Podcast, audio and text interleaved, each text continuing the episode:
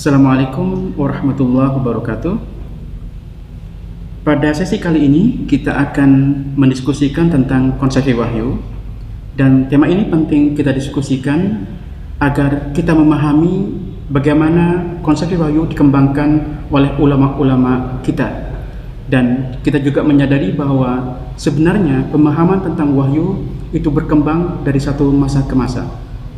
Di kalangan sarjana-sarjana muslim awal dan itu kita terima secara turun-temurun hingga sekarang, wahyu Al-Quran dipahami sebagai kalamullah al-munazzal ala Nabi Muhammad biwasito al-Jibril. Artinya adalah bahwa Al-Quran adalah kalamullah yang diturunkan kepada Nabi Muhammad dengan perantara Jibril. Di sini penekanannya di kalangan para ulama adalah bahwa Nabi Muhammad bersifat pasif dalam menerima wahyu.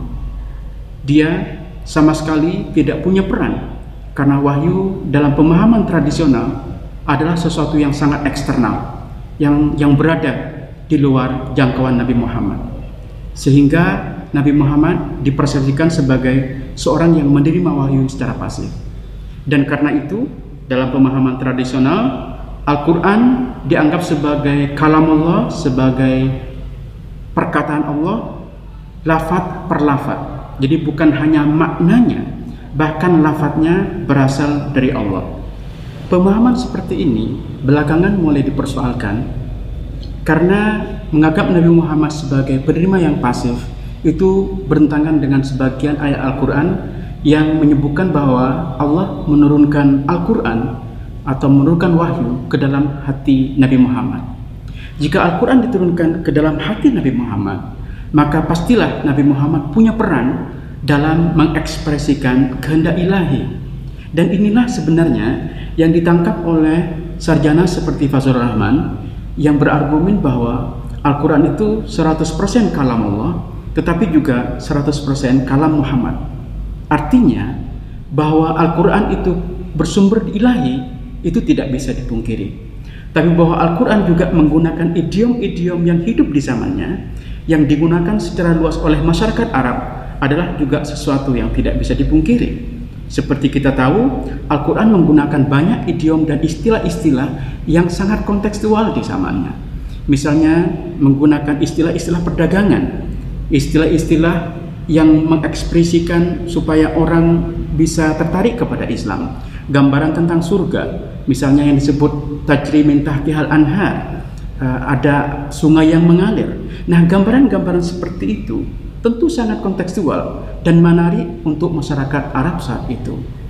Bagaimana jika Al-Quran diturunkan di Indonesia atau tempat-tempat lain? Pastilah Al-Quran menggunakan idiom-idiom yang relevan dan kontekstual di zamannya.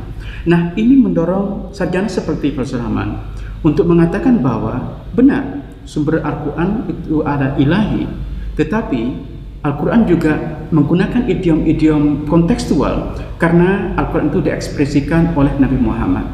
Ini yang mendorong sarjana seperti Rahman untuk mengatakan bahwa secara keseluruhan Al-Quran adalah kalamullah. Tapi pada saat yang sama, secara keseluruhan Al-Quran juga kalam Muhammad.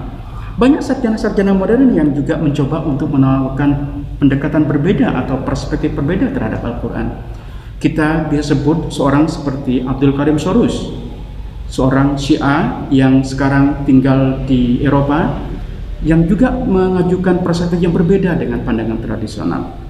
Bagi Sorus adalah penting untuk berbicara tentang pengalaman kenabian dan pengalaman kewahyuan dalam memahami apa itu wahyu. Bagi Sorus, ketika Nabi Muhammad berada dalam pengalaman kewahyuan, maka apa pun yang dia bayangkan adalah wahyu.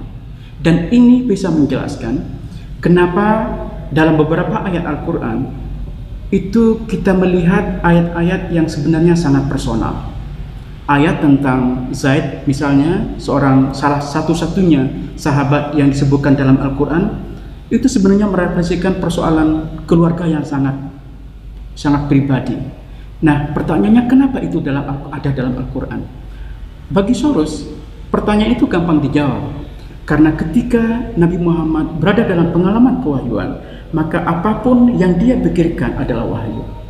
Nah, banyak sarjana-sarjana modern juga mengajukan tesis yang berbeda. Misalnya kita bisa sebut uh, Mahmud Toha yang juga mencoba untuk mendekonstruksi pemahaman tradisional dan mengajukan persepsi yang baru yang membolak-balikkan argumen klasik bahwa ada ayat-ayat Mekah dan ayat-ayat Madinah dan melihat ayat-ayat Madinah telah menghapus ayat-ayat Mekah. Bagi Toha, yang terjadi sesungguhnya sebaliknya. Justru ayat-ayat Mekah yang bersifat universal dan ayat-ayat Madinah adalah aplikasi dari ayat-ayat universal yang turun di Mekah. Nah, pemikiran-pemikiran progresif seperti ini perlu didiskusikan agar kita bisa melihat bahwa kesarjanaan Islam tentang konsepsi wahyu itu lebih dinamis dibanding yang kita duga. Terima kasih. Wassalamualaikum warahmatullahi wabarakatuh.